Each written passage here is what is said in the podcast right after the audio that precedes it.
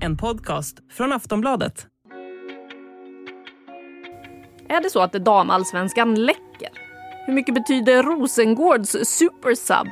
Och vilka ska med i den svenska EM-truppen? Ja, det är bara några av eh, frågorna i veckans avsnitt. Vi gästas dessutom av Linköpings Stina Lennartsson som har gått från botten till toppen. Förra året eh, var det väldigt, väldigt tufft och eh, man mådde väl inte jättebra. Eh, vi hamnade verkligen nere i hjulet där nere och fick inte till det alls. Och nu är det helt tvärtom istället och öser in mål så att nej men det är fantastiskt. Och ja, vi pratar såklart om det omdiskuterade avgörandet och frustrationen efter kuppfinalen. Så vad väntar vi på? Nu sparkar vi igång.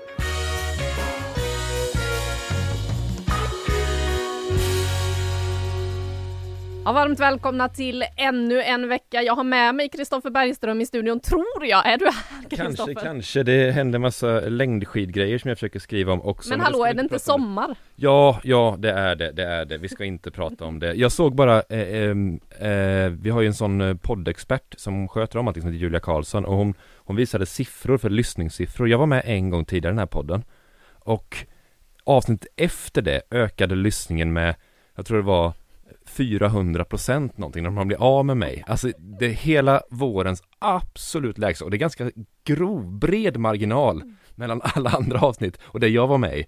Ingen lyssnar på det överhuvudtaget. Så det här är ett sånt sänka att jag ska stå här igen. Och nu är jag inte ens påläst, herregud. Hej, kul att vara här. Hallå Saga, hur är läget? Jo, det är mycket bra. Jag satt och tänkte att liksom, om det var en höjning till nästa så kanske folk var glada att du var med och liksom förvänta sig att du skulle vara med igen. Ja just det, de berättar för, för åtta vänner, alla som har hört det berättar för åtta vänner. Nu kommer något riktigt, riktigt bra här. Men sen har alltså det hållits, trafiken har hållits uppe efter det här också mm. så det håller inte. Det finns inget sätt att, att eh, jag ska ta åt mig av detta utan det, ja på negativt vis bara. Jag, jag är, är sänket. Men nu kör vi, nu får ni prata mycket. ja vi får väl se vad det blir för Bergström-effekt på det här avsnittet. Eh, med oss direkt från Malmö har vi också då Saga Fredriksson via Plays expert. Eh, hur mycket fotboll har du sett den senaste veckan? jo men hur mycket som helst.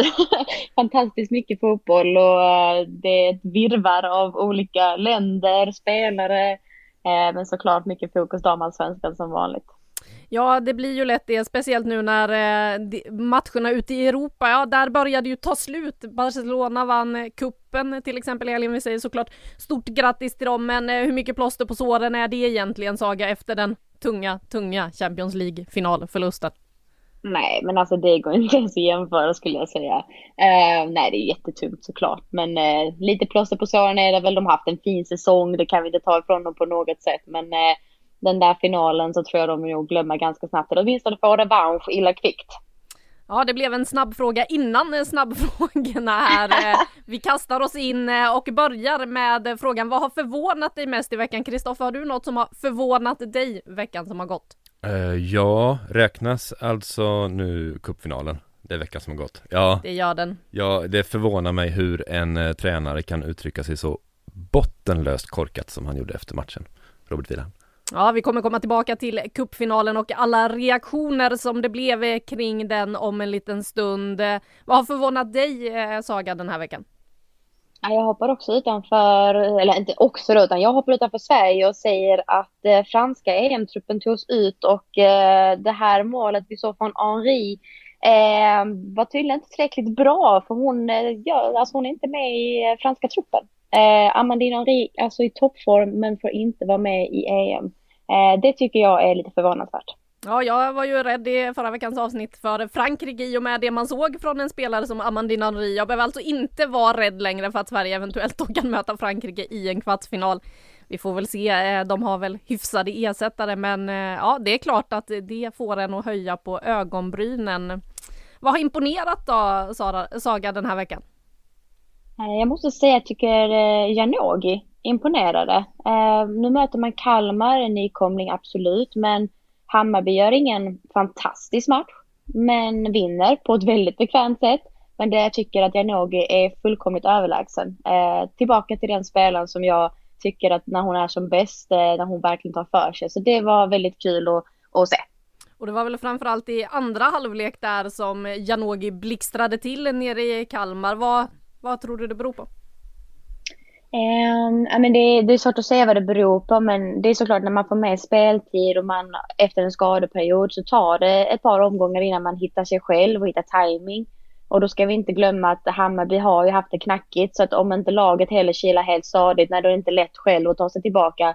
Nu kändes det som att mer saker stämde och för henne själv så jag uppfattade det bara som att hon var mer beslutsam och eh, levde ut sin fotboll på, på ett sätt som eh, är tvunget när man ska spela på högsta nivån och jag tycker det ser ut som att hon eh, Ja men man såg glimtar av liksom där när, hon är på sin topprestation så det, är ju, det var roligt som sagt.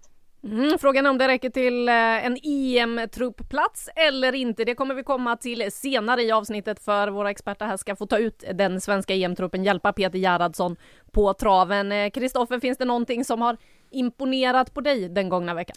Ja, jag är imponerad av Djurgårdens kryss mot Häcken. Det tyckte jag ändå var starkt att göra efter, efter två tunga förluster. Djurgården har ju öppnat säsongen katastrofalt. Så reste de sig, har varit bättre än förväntat. Men så kom liksom de här snöpliga förlusterna, 2-2-1 förluster i rad, vad hade de? Och sen, och sen nu åker de och räddar en poäng där. Och, och det, är, det är starkt. Eh, häcken var inte vassa alls.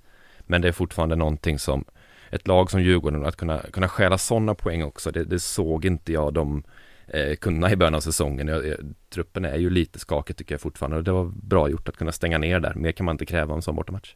Vi kan väl gå till eh, den matchen igen då, för det har ju varit en mardrömsvecka för Häcken. En tung förlust i cupfinalen som vi alltså kommer snacka mer om. Och två kryss i eh, damallsvenskan. Är guldet kört, Saga? Ja, alltså så här, jag säger inte att det är kört för vi vet hur det svänger och alla kan uppenbarligen ta poäng från alla med tanke på att Djurgården nu tog från Häcken. Eh, problematiken är ju att, att Häcken faktiskt har fem stycken lika matcher. Eh, det, det, håller liksom inte i längden och eh, om vi då bara blickar snabbt tillbaka till Rosengård Piteå som spelades igår. Där blir det Alltså jag tycker att Rosengård visar hur starka de är. De kanske inte heller har sin bästa match. Eh, man kommer undan med 2-1 på övertid tror jag det var. Eh, och det tycker jag är, ja, det är ett, ett styrkebesked från Rosengård där Häcken måste börja liksom leverera för att annars så kan det här gapet bli alldeles för stort. Och då är det inte Häcken-Rosengård vi jämför, då är det kanske så att Linköping är mer aktuellt att jämföra med Rosengård i toppen och eh, det är kanske så att det är kul att det svänger men man är ju såklart förvånad. Är du också förvånad eh, Kristoffer och är det så kostsamt att guldet är kört för Häcken med fem kryss redan? Nej, nej det är inte kört. Det är fyra poäng bara upp till toppen så det är, det är inte kört precis. Men de har alltså knappt vunnit, ja de vinner hälften av sina matcher ungefär i serien bara. Det är en sån serie de ska kunna vinna mycket, mycket mer än så och det är just, eh, ja som du exemplifierar med det där förut Saga, att kunna ta en match i slutskedet som, som Rosengård gör där. Eh, det, häcken vinner ju matcherna klart när de vinner och sen, sen kryssar de annars sådär det är en tydlig svaghet i ett, i ett topplag. Att inte, när man känner liksom när det är en kvart, 20 minuter kvar av Häcken att det kommer ingen sån här forcering. Det blir inte sån här, du vet en tveksam straff och så vinner de ändå. Så det händer liksom inte just nu och det, det är det där som jag aldrig tycker är tur i det stora hela. Utan det är alltid skicklighet att man på en hel säsong att man är ett lag som flera gånger har det lilla flytet på slutet och sånt där. Alltså lite det som också händer i cupfinalen, om vi ska återvända dit en gång till utan att göra det på riktigt. Att det är ju mycket skit med, med det sista målet, men det är någonting med att eh, fotbollslag belönas av att jag tror det var banalt, men att trycka upp, att vara, att svärma runt i straffområdet, skapa mycket, att stimma mycket, då kommer också lite feldomslut med en, det kommer lite grejer med den. Eh, det här Häcken förtjänar ungefär 23 poäng som de har tagit. De har inte liksom varit livsfarliga och forcerat så mycket och så är det bara ribban som står i vägen utan det, det är ungefär så här. De är ganska jämna mot lag de möter. Eh, och då, då ser det ut så här så att det är inte kört om de rycker upp sig sådär men men eh, men, men så det spelet de visat hittills, det räcker inte till guld det här. Något som har varit då vägvisande för eh, Rosengård eller kanske snarare någon. Det är ju Stephanie Sanders. Det är hon som gör det avgörande målet eh, till slut mot Piteå. Det är hon som gör målet i cupfinalen. Det är hon som spräcker nollan mot Eskilstuna. Hur viktig är hon för Rosengård Saga? Ja, men otroligt viktig, skulle jag säga. Eh, det som är intressant med Sanders är att hon får inte speciellt mycket speltid. Ehm, jag kommer ihåg hennes debut i 2021 när hon kom till Rosgård första gången, spelade mot Linköping. Det är, jag tror hon kommer in i 70 eh, det är 0-0 läge och man ehm, i 91 minuten går hon in och nickar in det avgörande målet. Och det tycker jag lite så här speglar henne som spelare. Hon kanske inte alltid får förtroende från start, men hon är en målgörare. Hon är en typisk boxspelare som ska vara inne och härja och vissa matcher passar inte den spelstilen för att man behöver lite mer fart in. Ehm, men det har visat sig på de här matcherna nu senast att det har varit direkt avgörande. Så att ibland ska man också komma ihåg att även om inte startspelarna är så här, ingen spelare är nöjd med att sitta på bänken. Men om man trots det blir det poäng, alltså en avgörande spelare, poänggörare, eh, förståelsen för att man alla har en roll i ett lag. Eh, alltså hon är ju livsfarlig för lagen som, som de möter. Så att det, det är en ynnest för Rosengård att ha den typen av spelare när man har så mycket kreatörer. Tänk på Cankovic, Bredgård och så vidare. Även eh, Kulashi på sina bästa dagar. Så att där tycker jag ändå att eh, hon tillför något annat. Och eh, avgörande mål liksom, tackar man inte nej till som lag. hon gör ju fula mål också. Och det är ju Verkligen. Faktiskt, det är väldigt eh, bra för ett lag att ha någon som kommer in och gör fula mål. För att det är inte så. De kommer inte bli nominerade till årets mål och sånt där, utan det, det är liksom skyfflar in dem. Eh, det är väl det mot, eh, mot Piteå, svinfult och det är ungefär samma läge som igen då med cupfinalen. Eh, där hon typ missar också. Gör inte ens rent, men, men, men det är ju en väldig kvalitet också. Ställ mig på en plan, jag kommer aldrig, jag kommer göra noll mål garanterat. Jag kommer inte göra sådana fast det man ser inte ser så svårt ut liksom. Alltid på rätt plats vid rätt tid och när du är inne på att hon kanske inte gör så eh, snygga mål, eh, Stephanie Sanders Saga, behöver jag ens fråga dig vilket som är veckans snyggaste? Nej, det var inte. Ja, det är ju såklart Ellen Gibson, eh, Hammar, eller vad blir det, Kalmar Hammarby. Det är, alltså det är så ruggigt snyggt. Det är en världsklassträff. Den har gått på repeat på typ alla kanaler som finns. Eh, har man inte sett den än så vet jag inte var ni har hållit hus. För det där var helt, ja, det var så sjukt. Och så kontrollerat också på något sätt. Fast de saftar på så det finns ett lugn i det ändå. Det är eh, helt sjukt. Ja, så kan man också spräcka, Oj, mål... ja, så kan man också spräcka målnollan. Fortsätt Saga. Nej men det var lite så jag skulle säga. Det är ju dessutom hennes första mål i damallsvenskan och hon har spelat i Hammarbys A-lag sedan typ så 2011. Så att det här liksom, det har hängt över ganska länge och få göra det på det sättet det är ju rätt så, rätt så absurt liksom. Ja, en eh, sista grej innan vi går in på veckans rubriker eh, ta, hämtar vi från El Gnelico. KIF Örebro vann ju den där matchen mot eh, Eskilstuna, men Amanda Rantanen ut, eh, bruten handled, eh, EM i fara. Hur tungt besked är det att få ett sånt besked, Kristoffer? Ah, det, jag, jag vet inte längre hur länge hon blir borta och sånt där, så det är väl klart att EM är i fara om hon skadar sig nu. Eh, jag har inget bra att säga om det här just nu. Jag, jag, jag vet inte riktigt hur det här kommer att gå. Det, det, sådana här, det går ju alltid att, att händer, det är ju värmefötter, det är, det är klart. så, så. Det är en Men, fotbollspodd, inte en handbollspodd. Nej, jag vet, jag vet. Det, det är sån här djupsinnighet ni får av mig nu, att det, det är värre när fotbollsspelare skadar foten. Eh, nej, nej, eh, ja, EM är i fara, ja det är en jättesmäll för henne och laget, det, det är klart det är. Ja, tungt eh, för eh, KIF Örebro också, Saga, att tappa en sån spelare. Ja, och som ändå varit väldigt aktiv eh, engagerad i matcherna. Jag tycker hon har väl varit en injektion när hon eh, spelar. Där jag tycker hon tar för sig för ett Örebro som kanske inte har tillräckligt med spets offensivt eh, anser jag just nu. Eh, där jag tycker hon kanske varit den lilla gnistan många gånger. Eh, så det, frågan är ju vilka, hur det blir sen när hon måste gipsa och sådär för att man men vissa, vissa domare tror jag det går hem och man värderar väl. Men jag, jag, jag ska inte låta det vara skrivet i sten den där regeln. Men eh, vi får se hur illa det blir för henne och såklart om hon är spelbar eh, med eller utan skydd. Ja, vi får se hur det blir med Rantanen alltså. Med det så avslutar vi snabbfrågorna, ge oss in på veckans tre rubriker och eh, den första handlar om målfesten. Läcker damallsvenskan eller vad är det som händer? För det har ju blivit flera storsegrar veckan som gått. Eh, Saga, för några avsnitt sen var du inne på att siffrorna var på väg ner, att vi skulle få se färre mål när försvaren satte sig, men Vad är det som händer? Är det de offensiva spelarna som är bra eller är det försvaren som läcker? Eh, får man säga både och. Eh, nej, men jag skulle först och främst så det jag tycker borde vara en normal trend, det är ju att försvaren tajtar till sig och blir bättre på att försvara. Eh, jag tycker Djurgården är ju ett perfekt exempel på att man lyckas hålla igen mot Häcken. Så att jag tror man måste verkligen titta på case by case, titta på lag för lag. Har man blivit, gjort en förbättring på så sätt? Eh, sen när vi tittar på anfallarna i år. Det här är spekulation snarare än statistik, ska jag verkligen understryka. Men jag tycker det är målfarligare anfallare. Det, det känns som att när de kommer in i boxen så är de mer beslutsamma. De vräker sig fram. Alltså jag tror Vangsgård har ja, åtminstone fyra mål där hon bara liksom sticker in en fot, sticker in ett huvud, bryr sig inte om konsekvenser, bara målet ska göras. Eh, det tycker jag inte vi har sett på samma sätt tidigare år. Eh, tycker det är fantastiskt roligt att se nu. Eh, så på det sättet så tycker jag att man har blivit bättre och man kanske gör mål på olika sätt eh, i år i överlag i ligan. Men jag som försvarare tittar jättemycket på försvarsspel och vissa av de här alltså målen är för billiga.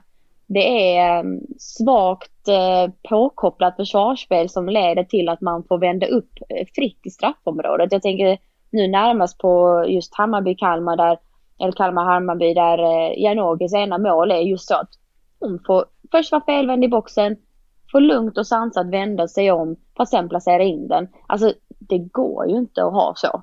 Eh, häck, inte Häcken utan Kristianstad, Umeå går. Eh, ja, Umeå Kristianstad, jag vänder ju på lagen hela tiden här. Men, eh, men eh, hörnan som blir till, eh, Mia Karlsson gör mål med hakan. Eh, det har inte varit en självklar match för att Kristianstad skulle, de skapar inte speciellt mycket i denna matchen. Men de får en hörna där Petrovic är helt outstanding just nu med sina in, äh, inspel. Och då står, jag tror det är, jag kommer inte ihåg vem i, i Umeåförsvaret, men hon duckar och går inte ens in i en tackling med Mia Karlsson. Alltså det håller ju inte. Så att på ena sidan så tycker jag någonstans att man måste kunna tajta till, för det, jag skulle säga så här, det är lättare att, att tajta till ett försvar än att bli bra på att göra mål. Alltså det är svårt att göra mål om försvaren är riktigt tajta och riktigt bra och påkopplade, proaktiva i sin positionering, sitt, sitt beslutsfattande. Eh, men står man på hälarna och lite så här, eh, lite lojt tittar, eh, du har bollen där, du ska spela in den. Det håller det inte. Så nej, både och. Men jag tycker också jag har jättemånga fina prestationer offensivt.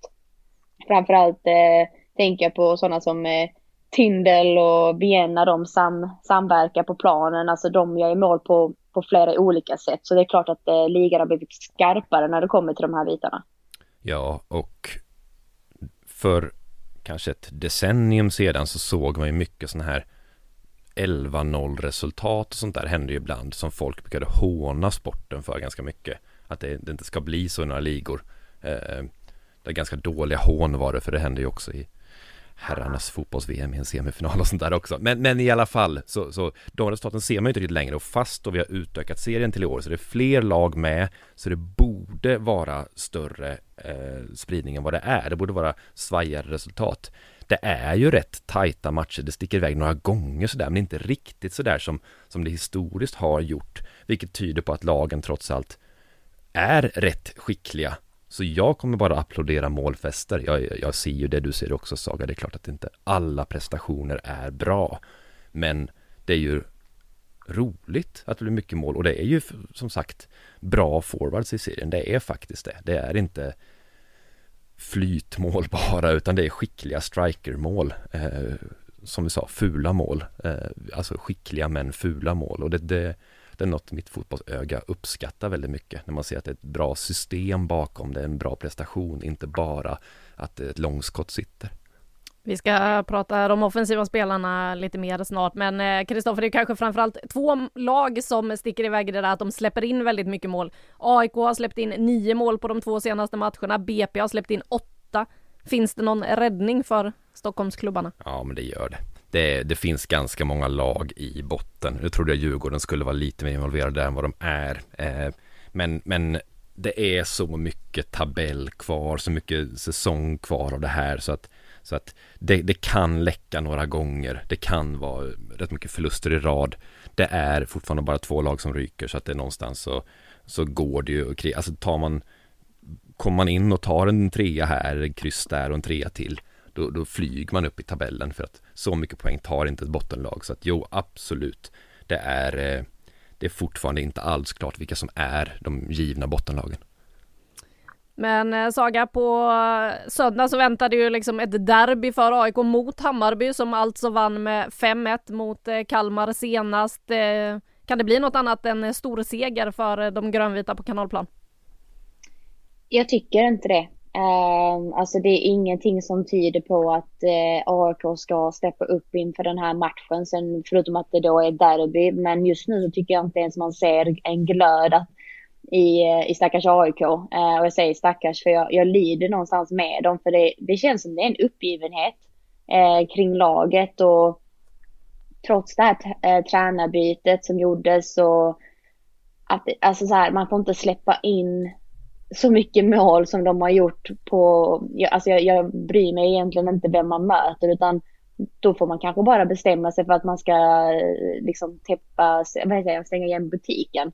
Det var bunkra ihop hela straffområdet och stå där och liksom bara se till att det inte blir mål emot. Men jag tror att de har inte bestämt sig för sin identitet. Eh, och det tycker jag är jätteproblematiskt. För att hade man, hade man bara accepterat, okej okay, nu måste vi försvara järnet. Som jag tycker faktiskt eh, Piteå är jäkligt duktiga på. De är ju bra på att försvara sig på olika sätt eh, på planen. Men bestämmer för att vara ett sånt lag då, alltså AIK då, bestämmer för att vara det tills ni hittar rätt i offensiven. Och sen kan ni fokusera på det, men just nu så har ni inte där att göra utan man får inte släppa in så mycket mål. Det, det tycker jag inte. Inte när man heter AIK med de, de, de spelarna de har. Eh, då har man misslyckats tycker jag. Jag håller med, det går ju att hitta den här stoltheten just i ett snyggt täckt skott, en bra brytning eller liknande. Den här, ni vet, Italiens herrlandslag, EM, de här kramarna och pussarna på varandra när man, när man täcker, skyddar målet eller något liknande. Det, det, det var ju bara symboler, men, men det syns ju inte någonting av i AIK något liknande just nu, att det, det finns en glädje i, i de små triumferna också på egen planhalva. Men Danielsson säger ju också till i någon intervju att eh, ja men första målet gjordes och sen så bör, ja då vet vi att det blir dominoeffekt och att det kommer rulla på. Alltså ett sånt uttalande tycker jag också tyder rätt mycket på att man inte har tro på lagets prestation och att man kanske inte riktigt eh, ser det vända. Och det är ju det största problemet, inte att de inte har kvaliteten utan att de faktiskt inte tror på det. Och eh, det är ju tungt i AIK nu. En som vet hur det är att vara med och slåss där nere i botten och eh, hur det är när glädjen försvinner. Det är ju Stina Lennartsson som numera spelar i Linköping. Helt skilda världar för Stina Lennartsson som alltså i fjol krigade i botten med Växjö DFF. Numera flyger hon fram som wingback i LFC och eh, ja, vi ska ta ett eh, snack med eh, Stina.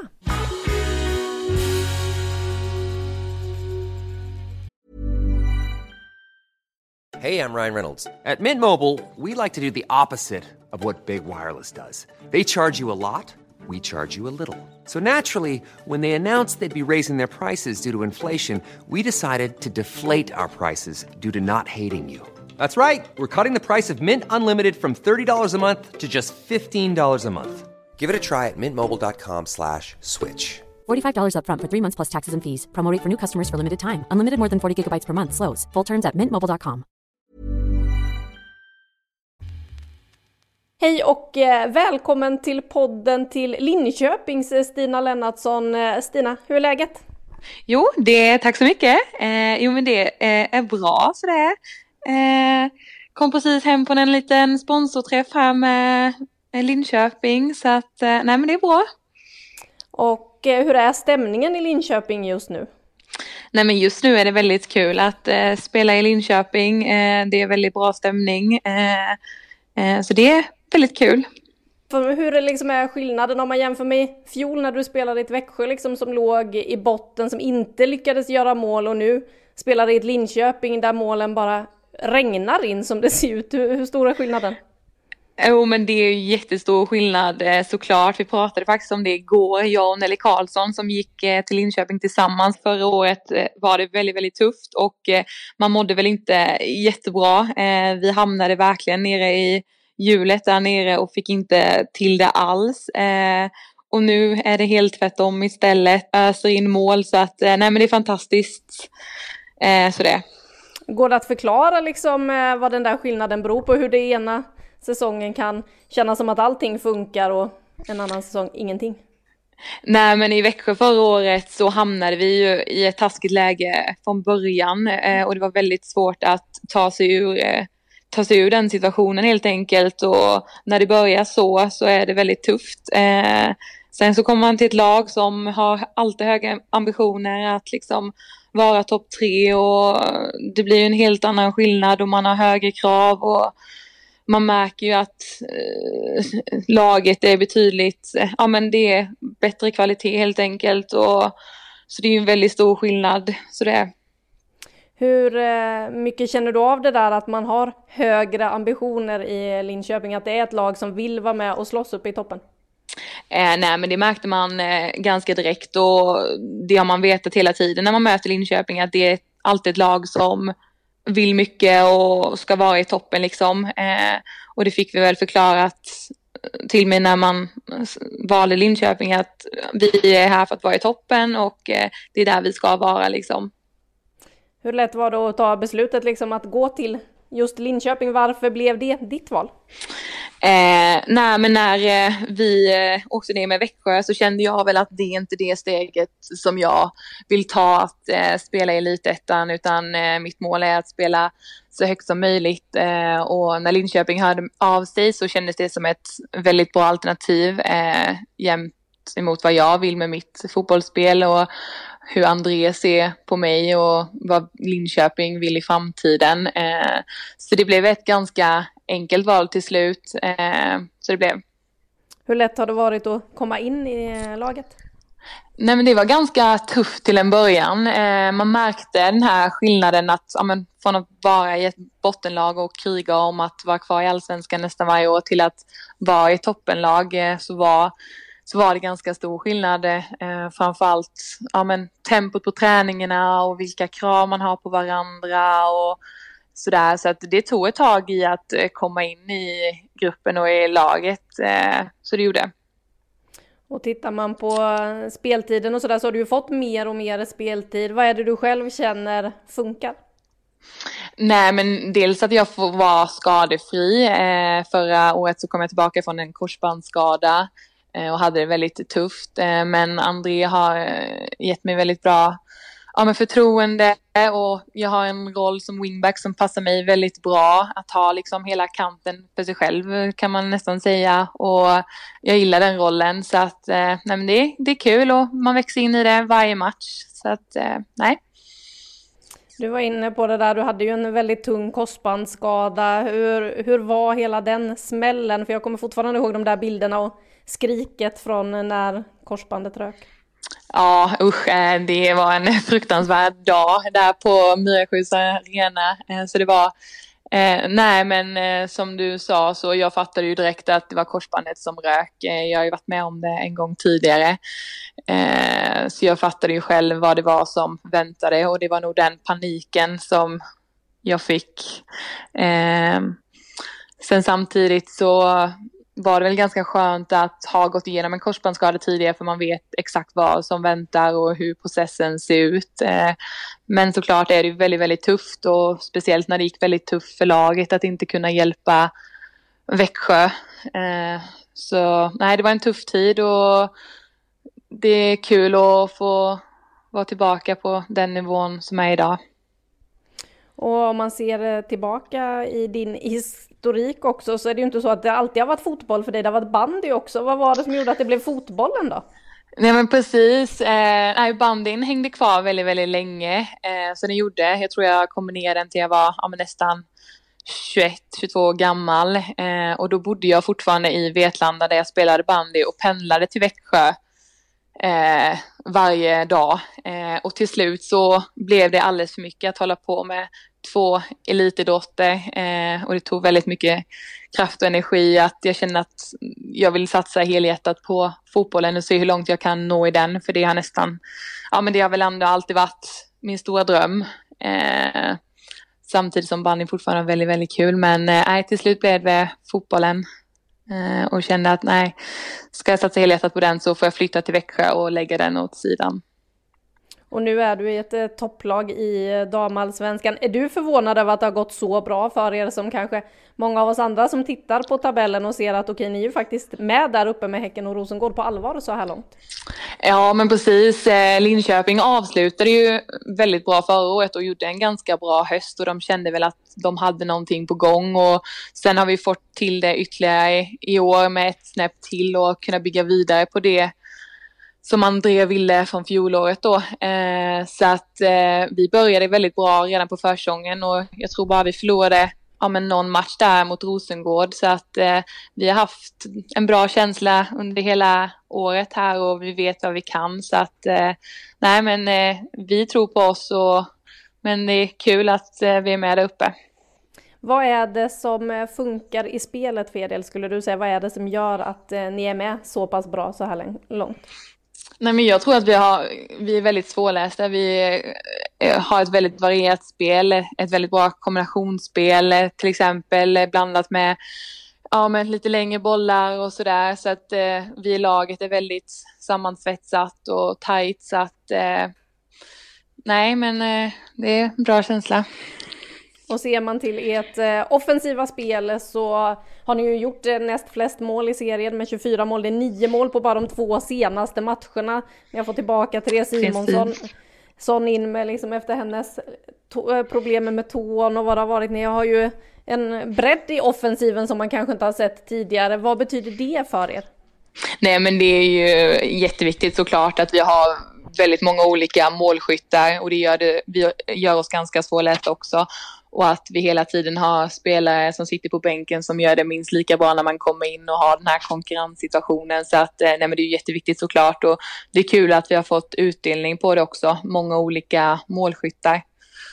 Vad betyder det för er då att jag har två sådana här matcher där det verkligen regnar in mål på i princip allting. Mot BP hade ni ju kunnat göra ännu fler mål än de ni gjorde. Ja, men såklart det är jätteviktigt, eh, men för självförtroendet också att se att eh, vi kan ösa in mål. Eh, så att eh, jag tror att den här tabellen kommer vara oerhört jämn och det kan absolut avgöras på målskillnad i slutändan. Så att eh, det är jätteviktigt med mycket mål. Och bara släppt in åtta, vad är det som funkar bakåt då? Nej men vi har ju en väldigt stark defensiv som börjar med vår höga press, att vi är verkligen hårt arbetande från forwardserna. Så att nej, vår höga press har verkligen funkat i år och alla jobbar otroligt hårt i defensiven. Nu väntar ju en eh, riktig toppmatch här på fredag när Rosengård kommer på besök till Linköping. Vad tror du vi får se för match? Jag tror att det kommer bli en oerhört eh, jämn match. Eh, så att det kommer, bli, det kommer bli otroligt roligt i de här matcherna man vill spela. Just nu är vi ju de två bästa lagen i Sverige så det ska bli oerhört kul att spela på fredag. Hur är det att säga det, att man är ett av de två bästa lagen i Sverige? Jo, men det är fantastiskt. Eh, så det. Vi har ju sett eh, att det har kunnat bli ganska griniga tillställningar eh, tidigare år mellan de här två lagen. Eh, hur tufft och tajt tror du att det kommer bli där ute på planen? Jag tror det kommer bli oerhört tufft, eh, så det kommer, det kommer nog smälla ordentligt och vara en del tjurighet. Så att, men det är precis som det ska vara i en, ja men lite som en seriefinal som man kan kalla det, så det, det hör till. Vi har ju sett bland annat en sån som Petra Johansson, tidigare spelare i Linköping, numera Players Manager, var en av dem som brukar ha huvudrollerna i de här matcherna när det blir sådär tight och grinigt. Vem tar över den rollen i ett lag nu?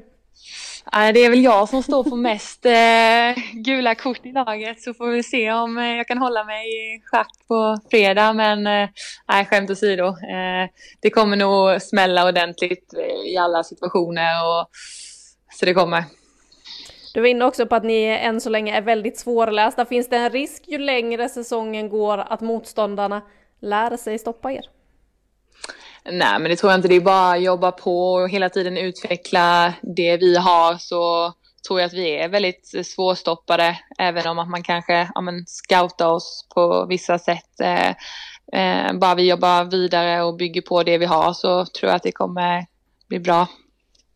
Finns det någonting du har imponerats eh, av under säsongen så här långt? För det är många som har imponerats av er, men har du imponerats av något annat? Eh, hur menar du? I, I Linköping i, tänker du? Nej men i serien överlag. Nej men att den är så oerhört eh, jämn eh, skulle mm. jag säga. Eh, både i toppen och i botten liksom att alla lagen kan liksom slå alla. Och det är väl eh, otroligt kul att varje match eh, gäller verkligen att vara på tå för att man ska kunna vinna den. Så att eh, det tycker jag är verkligen kul och det utvecklar ja, men, damallsvenskan framförallt. Och jag antar att det är ganska mycket roligare för egen del att vara med och slåss där uppe i toppen i år än nere i botten. Ja, det är en eh, fantastisk skillnad kan jag säga. Man mår lite bättre i år. Jag kan tänka mig det. Stina, vi tackar så hemskt mycket för att du hade tid. Tack så mycket. Ja, och som vi är inne på med Stina så väntar ju en toppmatch att se fram emot redan på fredag. Det är Linköping mot eh, Rosengård. Eh, Kristoffer, eh, Stina är ju inne här på att hon får ta över rollen nu efter Petra Johansson i det gnälliga, lite med glimten i ögat såklart, men hur mycket tror du att det kommer smälla? Vi har ju sett tuffa matcher de här två lagen emellan tidigare år.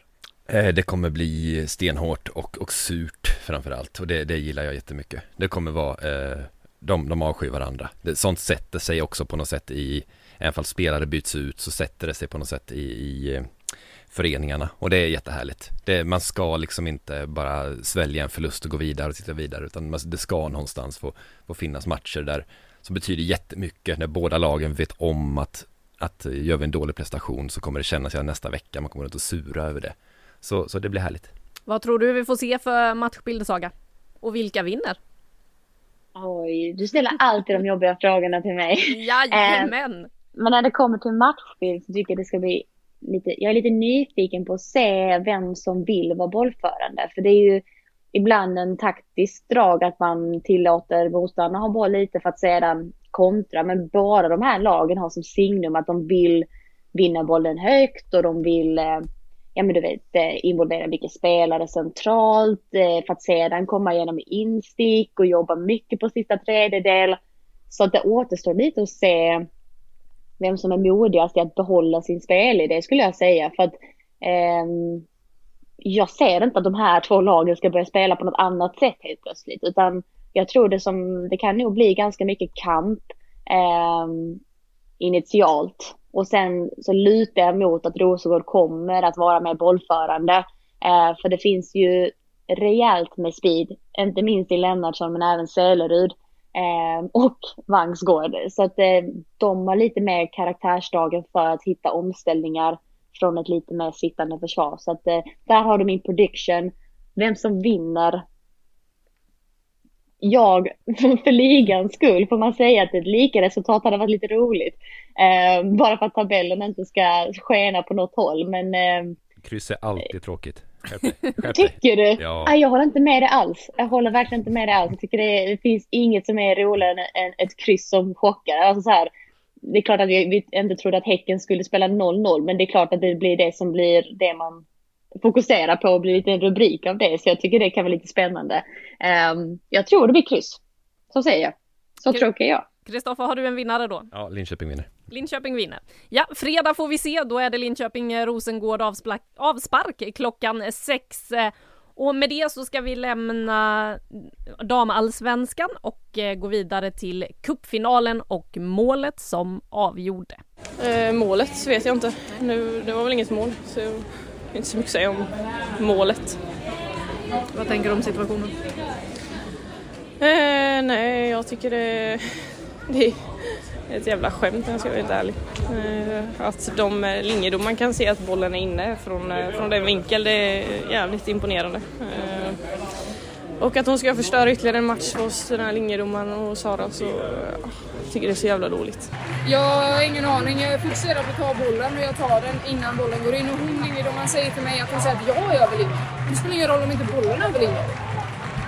Ja det är på en sån skrattretande nivå så jag vet inte vad jag ska säga. Jag känner att, eh, ja, ska vi behöva vara eller ja, måste domarnivån helt enkelt upp för att det här, det här håller inte. Ja, känner att jag är lite för arg för att prata med er just nu. Ja, det var rejält frustrerat i BK Häcken efter avgörandet. Förutom Kurmark så var det Jennifer Falk och Johanna Rytting Kaneryd som vi hörde här. Saga, vad säger du om situationen?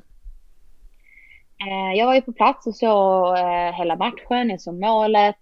Eh, Från min position, väldigt långt bort ska jag säga, så uppfattade jag det inte som att bollen var inne. Efter alla repriser uppfattar jag inte heller att hela bollen är inne. Ehm, jag tycker det är jätteproblematiskt att det blir ett sånt här avgörande. Ehm, jag är lite, jag lutar lite mot att liksom hellre fria än fälla i det här läget för att jag har väldigt svårt att se att, att linjedomaren har möjlighet i det virrvarret som skedde. Eh, det faktum att Falk faktiskt täcker bollen när eh, hon, alltså när domaren väljer att säga att, att eh, bollen är över mållinjen. Eh, jag har väldigt svårt att se att hon ser detta med övertygelse. För det är ju så att eh, det är ju sin sak att Falk är inne i målet och det var ju ett av uttalanden att ja, men jag, jag ser att målvakten är i mål. Eh, Det spelar ingen som helst roll.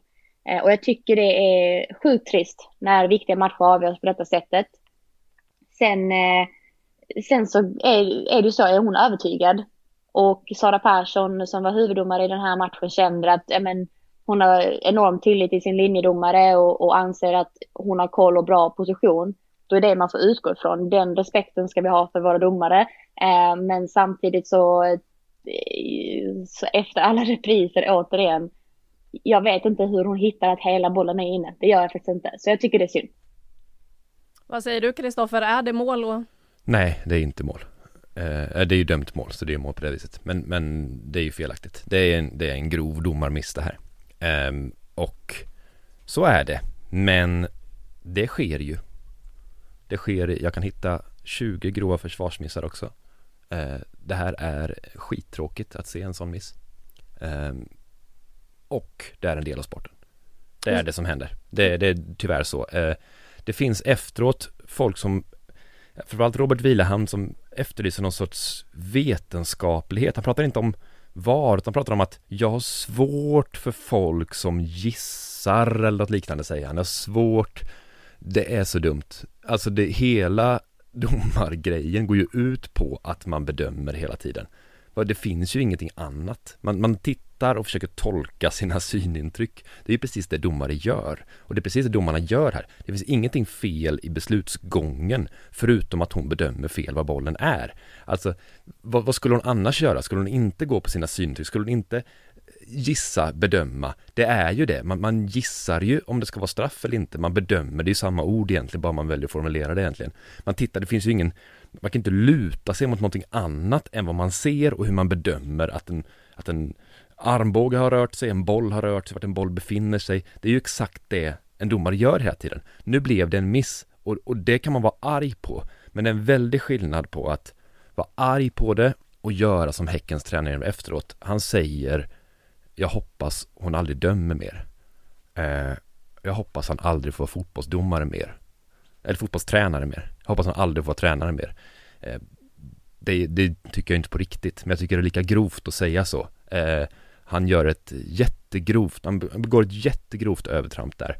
Eh, som eh, jag tycker han ska stängas av för. Jag tycker att det här är eh, man kan inte göra så. Det finns ett eh, riksombud i fotboll som kan ta upp särskilda fall eh, som bara tar upp väldigt, väldigt få fall. Det har varit det här, det här Simon Strand i Elfsborg som slog till en kameraman och, eh, och något liknande. Eh, men det här är samma sak, han skadar fotbollen. Vi har jättesvårt att rekrytera domare idag. Eh, vi har, eh, vi har de domare vi har, vi tar ut dem vi tror är bäst för uppgiften. De gör sitt bästa och så tabbar de sig ibland och så gör de det bra ibland. Precis som fotbollsspelare gör också. Hur ska den här domaren kunna döma Häcken nästa gång? Hur ska det gå till egentligen? Han har förstört det. Han, han önskar att han inte ska döma mer. Om man sa för mycket i stridens hetta, får man gå ut och be om ursäkt nu i efterhand då. Man kan fortfarande kritisera ett beslut, men önska att hon inte dömer mer, det är eh, bedrövligt beteende. Jag hoppas klubben Häcken eh, tar åt sig. De hör inte det här säkert, men om de gör så får de gärna be om ursäkt också som klubb. För så kan man inte säga. Och eh, det är långt över gränsen eh, för hur besviken man får vara. Man kan inte, man kan inte rikta sitt in sig på en person och hennes eh, ämbete på det sättet. Det är precis, precis som att säga att en forward bränner en avgörande straff. Hon ska inte få spela fotboll mer. Sparka henne, ingen får anställa henne. Hon ska inte spela fotboll mer. Och så kan man inte säga helt enkelt. Det är alldeles, alldeles för mycket. Saga, hur ser du på domarnivån i den här serien egentligen? För det har ju varit uppe för diskussion eh, både då efter den här kuppmatchen men även tidigare under säsongen.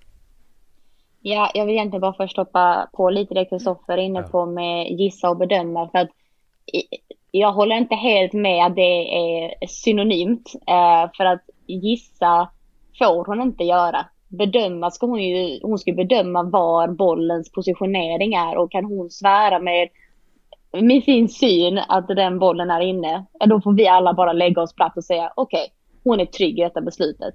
Eh, men inte en enda gång så säger hon uttalat vad jag vet, bollen är över mållinjen, hela bollen är över. Då tycker jag att det är en gissningslek. Det håller jag helt och fullt och fast med att det får hon inte hålla på med. Däremot helt enig att eh, gå så långt som att säga att hon inte ska döma. Nej, vi alla människor, vi felar det är bara att det är så mycket känslor på spel, men vi ska inte glömma. Jag, om någon, ska komma ihåg detta ibland, det är bara fotboll. Um, och man får inte gå så långt, såklart. Men det är så mycket på spel och mycket känslor. Jag tror, som du är inne på, att Vilahamn går uh, kanske lite över gränsen i stridens hetta, men uh, det kan man också rätta till på med en ursäkt. Men gissa får ni inte hålla på med. Det vill jag bara understryka. Ja. Um, så reaktionerna, eller förlåt var det det som överlag domarnivån frågade du Anna? Exakt. Eh, generellt så, så tycker jag det är helt okej. Okay. Eh, det är svårt som spelare att säga detta för nu, jag går in i min spelarhuvud när jag pratar om domare. Eh, som expert skulle jag säga att jag tycker att domarna gör eh, väldigt eh, bra jobb. Det är för många matcher där jag tycker det här året, eh, som jag kan dra mig till minnas, där jag tycker det är för att många eh, skeva beslut. Eh, men skeva beslut betyder helt enkelt att man har tagit fel beslut som jag anser är för avgörande. Vi pratade ju för något avsnitt sen om, om Piteås bortdömda mm. mål. Där bollen är 4-5 decimeter inne i, boll, i, i eh, målet men linjedomaren kan inte svära att hon ser att bollen är inne. Fria fälla, även där blev det. Eh, men det blev inte så en viktig cupfinal. Så att sådana situationer tycker jag inte, det får inte vara det som sätter stämpeln på domarteamen. För att, att man gör fel, ja det händer och någonstans så måste de få växa och, bli bättre även de. Ehm, så det är jättesvårt eh, att säga, för sen om man är som spelare så nej, det är klart att man, man tycker att domaren ska vara felfri, för att annars så känns det som att allt ens arbete går förgäves när de eh, tar sådana knasiga beslut. Men eh, som Kristoffer sa, eh, name of the game, det är idrottens värld. Så ibland får man bara brösta den och acceptera det. Ja, man kan ju sätta sig på läktaren på Finnkampen också och ropa Spring snabbare, spring snabbare! Vad fan är det? De, de, gör inte fel, nej. Nej, de vill inte göra fel heller. Men de får ju säga någonting. Det finns ju liksom punkter man kan prata om, vissa, vissa ämnen inom bedömningarna som eh, många tycks ha uppfattat att det är svårare att diskutera med domare i år än tidigare. Eh, den har jag förstått att den åsikten finns och jag ser ju en del gula kort som kommer lite tidigt ser det ut som när man klagar på en domare. Är det här nya direktiv? Jag vet inte. Är det det? Om det inte är det, om spelarna uppfattar det så, det är värt att ta upp för diskussion tycker jag, domarkåren och klubbarna emellan, att går domarna ut och säger att jo, vi har som uppdrag att stävja snacket, det har gått för långt tycker vi, det är därför gula korten viner lite mer. Då finns det i alla fall någonting att diskutera utifrån. Och det kan man, det kan man göra. Men, men liksom att ta upp att de gör fel, ja. Men, men ska vi byta ut dem då? Tror ni att det finns 20 domare någon annanstans som är mycket bättre som bara väntar på att kliva in? Ja, det där med kommunikationen är ju intressant för det är ju någonting som både spelare och ledare har tagit upp. Vi var inne på det redan förra säsongen när bland annat då Djurgården var inne på att eh, det var en viss domare som hade något emot en viss spelare. Eh, drog det hela så långt. Eh, men eh, spelare och ledare tycker att det saknas kommunikationen mellan domare och lagen. Eh. Det finns fortfarande den här irritationen. Eh, Filippa Kurmark och Josefin Rybrink sprang ju raka vägen till huvuddomaren i kuppfinalen, fick syna det gula kortet. Vi kan väl lyssna vad de sa egentligen och eh, höra lite fler röster kring just det här att få ett gult kort för vad man själv tycker är eh, lite väl tidigt. Vi börjar med att lyssna på Filippa Kurmark, vad det var hon sa egentligen. Jag vet inte vad jag sa, jag sa allt. Försökte få kontakt med henne och säga att, att det är för dåligt. Det är liksom andra matchen i rad nu som de, det här så kallade domarteamet förstör för oss. Och, eh, jag tycker att nivån är för dålig. Ska man spela en cupfinal i, mellan två av Sveriges bästa lag så tycker jag att man ska fan kunna ha en bra domarnivå också. Fick du något svar från henne? Nej, jag fick inget svar. Jag fick se ett gult kort. Det var det. Och så gult kort? Jag vill ha en förklaring liksom. Hur, hur kan det vara offside på en hörna som ska vara rätt i mål? Jag fattar inte. Vad sa hon då? Nej, hon, hon sa att det var offside. Och då frågar jag, hur är det offside? Och den frågan ställer jag några gånger. Och då får jag gult. De verkar inte kunna ta någon kritik överhuvudtaget. Vad fick du för svar? Eh, att jag bara skulle gå därifrån. De eh, vill inte diskutera utan ja. Hur är det att eh, det är så att man inte kan ha en diskussion om domslutet?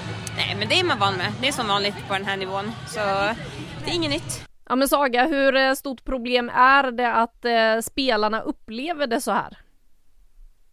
Ja, Det är klart att det är ett problem om det är så de känner. Eh, jag såg någon artikel där det var liksom, eh, jag kommer inte ihåg namnet på den, eh, det delegatet eller i alla fall någon från domarsidan som eh, menar på att de har ingen skyldighet att prata med någon, varken eh, om ett beslut efter, innan, under, utan de kan välja att göra det.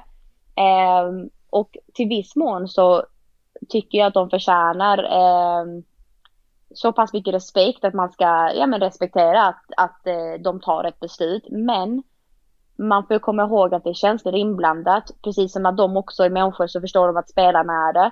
Eh, är det mycket på spel så kan det ju vara så här, om en perfekt domare finns så tycker jag det är domaren som för det mesta tar rätt beslut men också klarar av att hantera en uppbrusad spelare som brinner för sin sport och vill göra, vill vinna. Och kan de då hitta ett sätt att kommunicera med den spelaren, vara tydlig, rak, förklara, så här har vi tagit beslutet. Och sen om spelaren inte förstår och inte backar, då tycker jag det är mycket riktigt att ge ett gult kort. Men den första reaktionen måste få finnas för att det hör till det också. Eh, det vore jättekonstigt om man bara gick runt och var helt likgiltig till allting som hände för då har man inte i sport och elitsport att göra tycker jag. Så att, eh, att man får ta att någon ryter till, det tycker jag.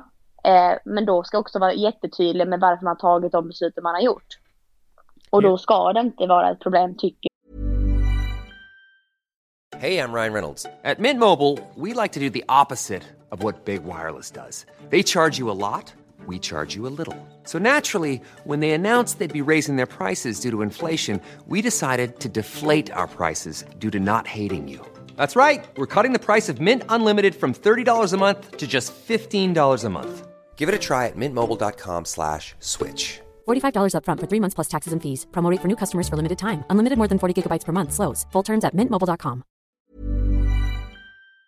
jag. Vi är helt eniga Saga, jag håller med. Och det här tycker jag är alltså en annan diskussion än generella nivån. Eh, den kan man snacka om, men då vill jag gärna att man tar upp också ersättningsnivåer, rekryteringsarbete, hur vi stöttar eh, unga domare på deras väg framåt och sånt där. Det kan Mm. vi prata om, vi ska prata om generella nivåer. Eh, det är lika korkat igen, som att skylla, säga att folk, svenskar simmar för långsamt på tävlingar eller liknande. Det tycker jag inte är relevant. Däremot det här är ju någonting jag vill också se, jag tycker att det är rimligt att man får brusa upp lite. Det tycker jag. Vi ska avsluta den här diskussionen med en fråga som eh, kanske hade hjälpt i Piteå-fallet, som kanske hade hjälpt i cupfinalen. Jag vet att Hammarby tycker att de har haft bollar inne som inte har blivit mål. AIK lika så. Borde man ha goal line technology i Sverige? Känns väl lite eh, nu när VAR finns. Alltså jag är ju sån där som, jag, jag vill ju en dag i mitt liv köpa en elbil, men jag har ju inte råd. Och då vill jag vänta tills tekniken blir bättre och billigare. Eh, det känns som att svensk fotboll gör samma sak, just när man väntar in VAR. När kan vi få det riktigt jäkla billigt? När kan vi få någon sorts eh, halvdan sån Elgiganten-variant av det här?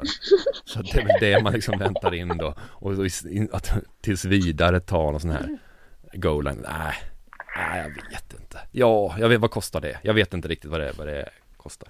Nej, vad säger du Saga? Nej Förlåt, jag skrattar fortfarande åt eleganta referenser. Eh, nej, men alltså så här, har man musklerna och pengarna att investera i det så varför inte? Allt som, allting som gör att det blir tydligare vad som faktiskt skedde. Eh, desto fler kameror man har på matcher, desto bättre blir det och så vidare och så vidare. Så att jag är väldigt för det. Um, sen ska det inte eh, stanna upp matcherna för mycket. Uh, men kan man använda det och få det som ett hjälpmedel till att man litar på att domaren gör sitt jobb till best of her ability. Så, eh, så varför inte liksom. Nej, och tills vidare i väntan på det här så kan ju lagen istället passa på att vara väldigt offensiva då. Hänga mycket i straffområdet, ramla ofta i straffområdet, skjuta mycket. Som är nära mål i alla fall och se om det döms mål på något sätt där. Alltså, alltså tills vidare är det bästa metoden, det fortfarande kommer det vara det. Alltså det är garanterat att eh, det är det som, som framförallt hjälper i det här läget Det finns alltid osäkerhet Hur, vad vi än har för system finns det en viss osäkerhet Vi kan krympa eller öka den på, på vissa sätt men till syvende och sist är det alltid bra att ha mycket målchanser och vara nära att göra mål för då kommer det bli mycket mål också. Mm, vi får se hur mycket mål det blir veckan som kommer. Vi ska stänga kuppfinalen och eh, alla matcher som har spelats nu. Nu ska vi blicka framåt. Om en vecka så tar Peter Gerhardsson ut en EM-trupp. Idag ska han få lite hjälp av Kristoffer eh, Bergström och Saga Fredriksson. Nej, kan inte du göra Saga? Ja, vi kan väl Saga, vi börjar med dig. Hur ser din EM-trupp ut? Vad finns det för skrällar och vilka hamnar utanför? Oj, um, ja men eh, ska jag bara säga alla 23 liksom som jag har eller hur ska jag lägga upp detta? Ja men um, rabbla på. Så jag reagerar vi. På. Eh, nej men eh, de givna målvakterna blir det ju. Eh, Falk, Lindahl, Musovic. Sen eh, kommer jag att eh, ta med eh, eller jag, men om jag får välja. Eh, såklart eh, Magdalena Eriksson, Ilestedt, Glas. Eh, ska försöka ta de så här backarna här nu. Eh, Björn tycker jag ska med. Eh, Sembrant och även Rubensson får hänga på det där. För jag ser henne som både mittfältare eller offensiv spelare centralt. Men också hon kan också spela ytterback som vi vet. Eh, utöver det så har vi ju Rolfö, given. Eh, vi har Jonna Andersson har jag inte nämnt. Hon ska också med i backgänget. Angeldal, Seger, Aslani, Blackstenius Hurtig, eh, Bennison, Skog, Jakobsson, Anvegård, Blomqvist och har även valt Kaneryd. Vilket då kanske leder mig till, var det 23 nu? Har jag sagt alla? Eh, jag tror att det kan vara 23. Kurmark har jag inte sagt. Kurmark, Kurmark har inte sagt. vill jag ha med. Ja. Så att där har du kanske mina sådana bubblare. Att jag tycker Kurmark för hennes defensiva kvaliteter. För jag ser gärna att Sverige är enormt offensivt framåtlutade eh, i den här turneringen. Men ibland behöver man någon som kan städa, balansera och vi vet ju att Seger är fenomenal på just detta. Men ibland behöver man kanske någon som eh, kan komma in och, och backa upp. Så att eh, i ett sånt skede, Kurmark. Eh, Rubensson nämnde jag ju man kan få henne på många positioner, också lite bubblare kanske. Kaneryd ser jag gärna ha en stor roll i detta EM. Eh, vilken toppform hon är i. Jag tycker man ska ge henne chansen nu eh, att eh, få ta nästa kliv för att hon ska verkligen få förtroendet. Så att eh, det innebär ju då indirekt att eh, Janogy just nu i den här 23-truppen inte har fått en plats eh, enligt mig. Ehm, men Å andra sidan, vad är några dagar till och, eh, man följer ju, alltså Gerhardsson följer de här spelarna konstant. Så att de har ju stenkoll på, på status och eh, form som kanske vi andra som tittar utifrån inte har. Så att, eh, vi får se helt enkelt. Men där har ni mina 23. Vad tänker du när du hör de här namnen Kristoffer? Ja, jag vill ha helt andra namn. 23 andra namn. Maria Banusic bygger vi laget kring och så tar vi, eh, nej, eh, jag, eh, givetvis tycker jag Kaneryd eh, ligger före Janogy, om det är en diskussion just nu. Det, eh, så är det, Kaneryds vår är härlig att se. Eh, jag är tämligen säker på att hon drar utomlands nu. Hon väntar inte ut sitt kontrakt säsongen ut. Ehm, den sortens spelare med det drivet mot mål är förtjusande. Jag tycker väldigt mycket om det, den spelaren som, som alltid har blicken och, och vågar göra det här. Eh, motsatsen är hemsk, formsvaga spelare som inte, eh, som alltid viker undan på något vis där, som inte vill sätta sig själv eller lagkamrater i, i en målchans sådär. Så henne, hon, hon känns som en sån hon känns ju som Janogy gjorde tidigare, eh, eh, Mm. tidigare mästerskap, kan hoppa in eh, och, sådär. Rebecka Blomqvist ser jag väldigt, du hade med henne eller hur? Henne ser Mm. jag så himla lite, hon har gjort två 90 minuter på två säsonger nu i, i ligan. Hon gör ju något mål här och där, så där fyra mål per säsong såg jag. Eh, jag vet inte, jag har liksom lite tappat henne sedan hon lämnade svensk fotboll och vet inte riktigt hur hon är. Men det känns ju som en bra spelare att kasta in ibland, en sån där jag tycker hon är bra i kombinationsspelet, precis det här sista små finliret och sådär. Men jag, hopp, jag vet inte vad som har hänt med henne i Tyskland. Är hon, har hon, hon biffat till sig lite? Det brukar man göra när man är där.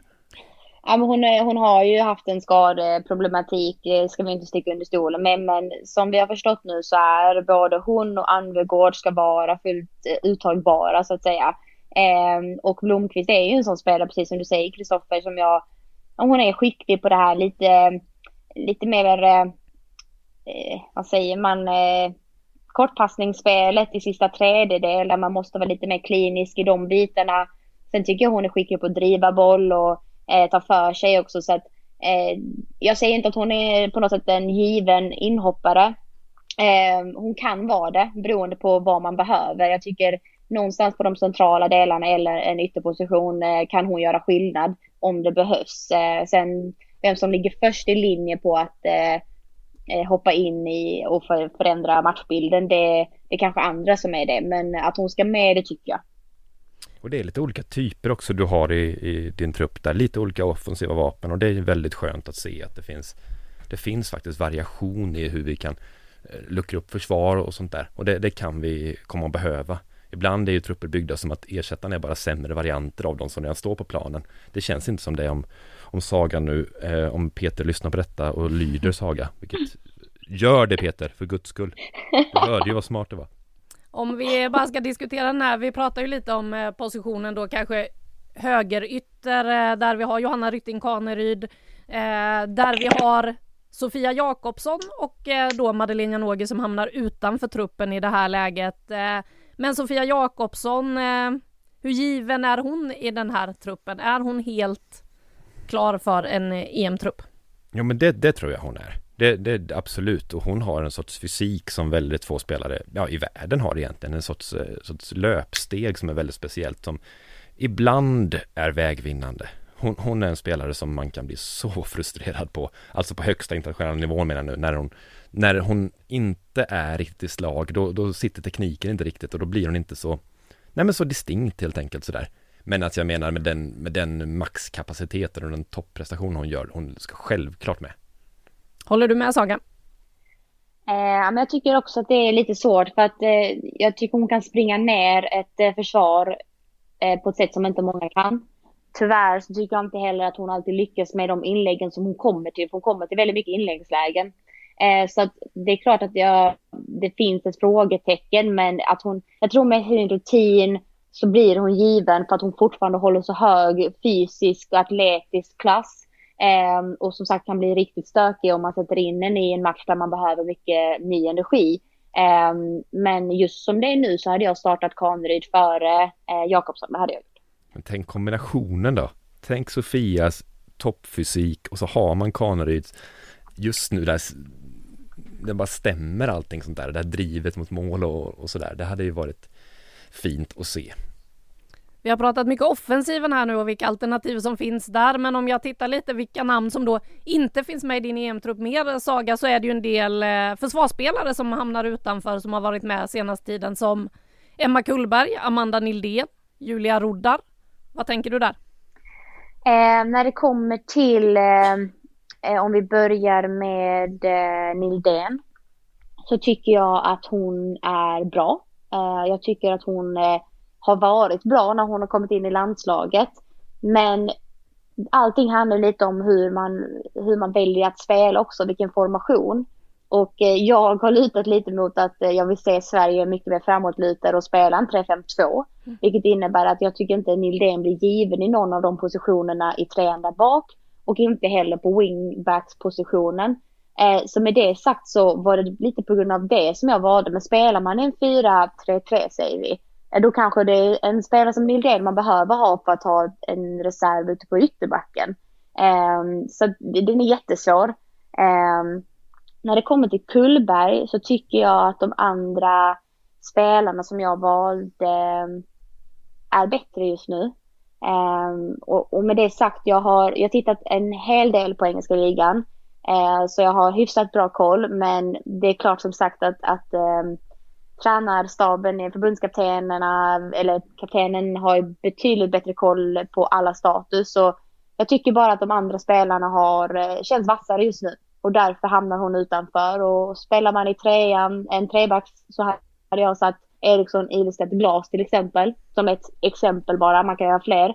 Eh, och då tycker jag inte heller att Kullberg är given där. Eh, så därför hamnar hon också utanför. Eh, Roddar har jag inte eh, faktiskt övervägt speciellt mycket. Utan jag tyckte att det är andra spelare som har tagit eh, större kliv helt enkelt. Mm, Roda som alltså var med i OS-truppen men sen haft, inte funnits med de senaste trupperna. Vad tänker du kring resonemanget här, Kristoffer? Att det låter rimligt. Vi pratar också om precis reserver i, i backlinjen. Det är lite svårare att tänka för där ska det finnas en stabilitet. Jag vill gärna se spelare som spelar större delen av alla matcher. Alltså de vi nämner här. Glas och Ilestedt och, och Eriksson och de här. Så det är lite annorlunda där tycker jag eh, att välja. Men, men det låter rimligt det Saga säger. Jag ser inte heller så mycket internationell fotboll att jag kan riktigt bedöma Julia Roddar. Hon, jag vet inte riktigt vad, hur hon, hon presterar just nu. Men du Saga, du är inne på, eh, och vi pratar om stabilitet, vi vill ha stabilitet i ett försvar. Eh, om man tittar på VM 2019 så fanns det en spelare, en utespelare som spelade samtliga minuter. Du har alltså inte med henne här i din startuppställning? Linda Sembrant. Nu ska jag bara säga här att mina hörlurar dog, så nu pratar jag från telefonen. Jajamän, det funkar fint det också. Okej, vad bra. Eh, nej, eh, jag tycker att eh, Sembrant är fantastisk eh, med boll på fötterna. Eh, det är en klassspelare, alltså utan tvekan. Men det jag vill se från Sverige eh, tycker jag just nu inte hon är det första valet. Sen att hon kan vara med, alltså det beror helt på vilken formation vi väljer. Säger vi en 4-3-3, ja men då är Sembrant ett val till mittbackspositionen. Men är det eh, en trea där bak, nej då väljer jag inte henne där. Eh, för jag vill ha med speed som man får i både Eriksson, Idestedt och Glas. Alla tre. Um, en aggressivitet, en, en fysik som jag tycker alla de tre har. Um, så, så hon åker lite utanför på grund av det. Sen att hon är given i, i truppen, det tycker jag. Um, och som sagt beroende på hur man formaterar laget. Men uh, nej, jag, jag tog det beslutet helt enkelt. Ja, det är beslut som också ska tas av oss experter. Peter Gerhardsson får väl ta de slutgiltiga eh, besluten. 7 eh, juni alltså, om en vecka så är det dags eh, att Eh, ta ut EM-truppen. Så nästa vecka så kommer podden lite senare. Den kommer på onsdagen så att vi kan diskutera och analysera den trupp som eh, faktiskt kommer få åka till England i sommar. Och med det så återstår bara en sak. Vi ska ge fem plus till någonting. Har du någonting Kristoffer i bakfickan att ge fem plus till den här veckan? Det har jag. Om vi snackar mycket om eh, Ellen Gibsons mål så tycker jag vi ska snacka om de två fem plus felträffarna som var den här veckan. Alltså den som avgör cupfinalen. Det är ju otroligt egentligen, Stephanie Sanders, att hon behöver en domartabbe på sin sida. Hon har öppet mål egentligen. Men hon gör precis tillräckligt mycket, en snedträff eh, som räcker för att bli mål med minsta möjliga marginal. Eh, men framförallt om Matilda Winbergs underbara assist till Ellen Gibson. Någon sorts... vad är den trana? Hon liksom hoppar med ett sträckt ben och ett böjt. Eller som en vad är det exakt? Det är en väldigt atletisk sak hon gör i alla fall och lyckas få bollen bakåt i det här läget. Eh, det tycker jag också är värd att bli frimärke någon gång för att den var genial. Ja, det kan man titta på samtidigt som man tittar på Ellen Gibsons mål alltså. Det får fem plus den här veckan. Jag tackar dig Kristoffer, jag tackar dig Saga. Vi tackar också Julia som har lite att klippa, vår producent här eh, denna dag och framförallt dig som har lyssnat. Vi har de, de 400 som har lyssnat det här avsnittet, de vet att det är jag och så kommer de tillbaka nästa vecka. Och då får ni höra en, analyserna av en EM-trupp. Så hörni, ha det så fint tills dess så hörs vi igen då. Hej då! Mm. Hej då!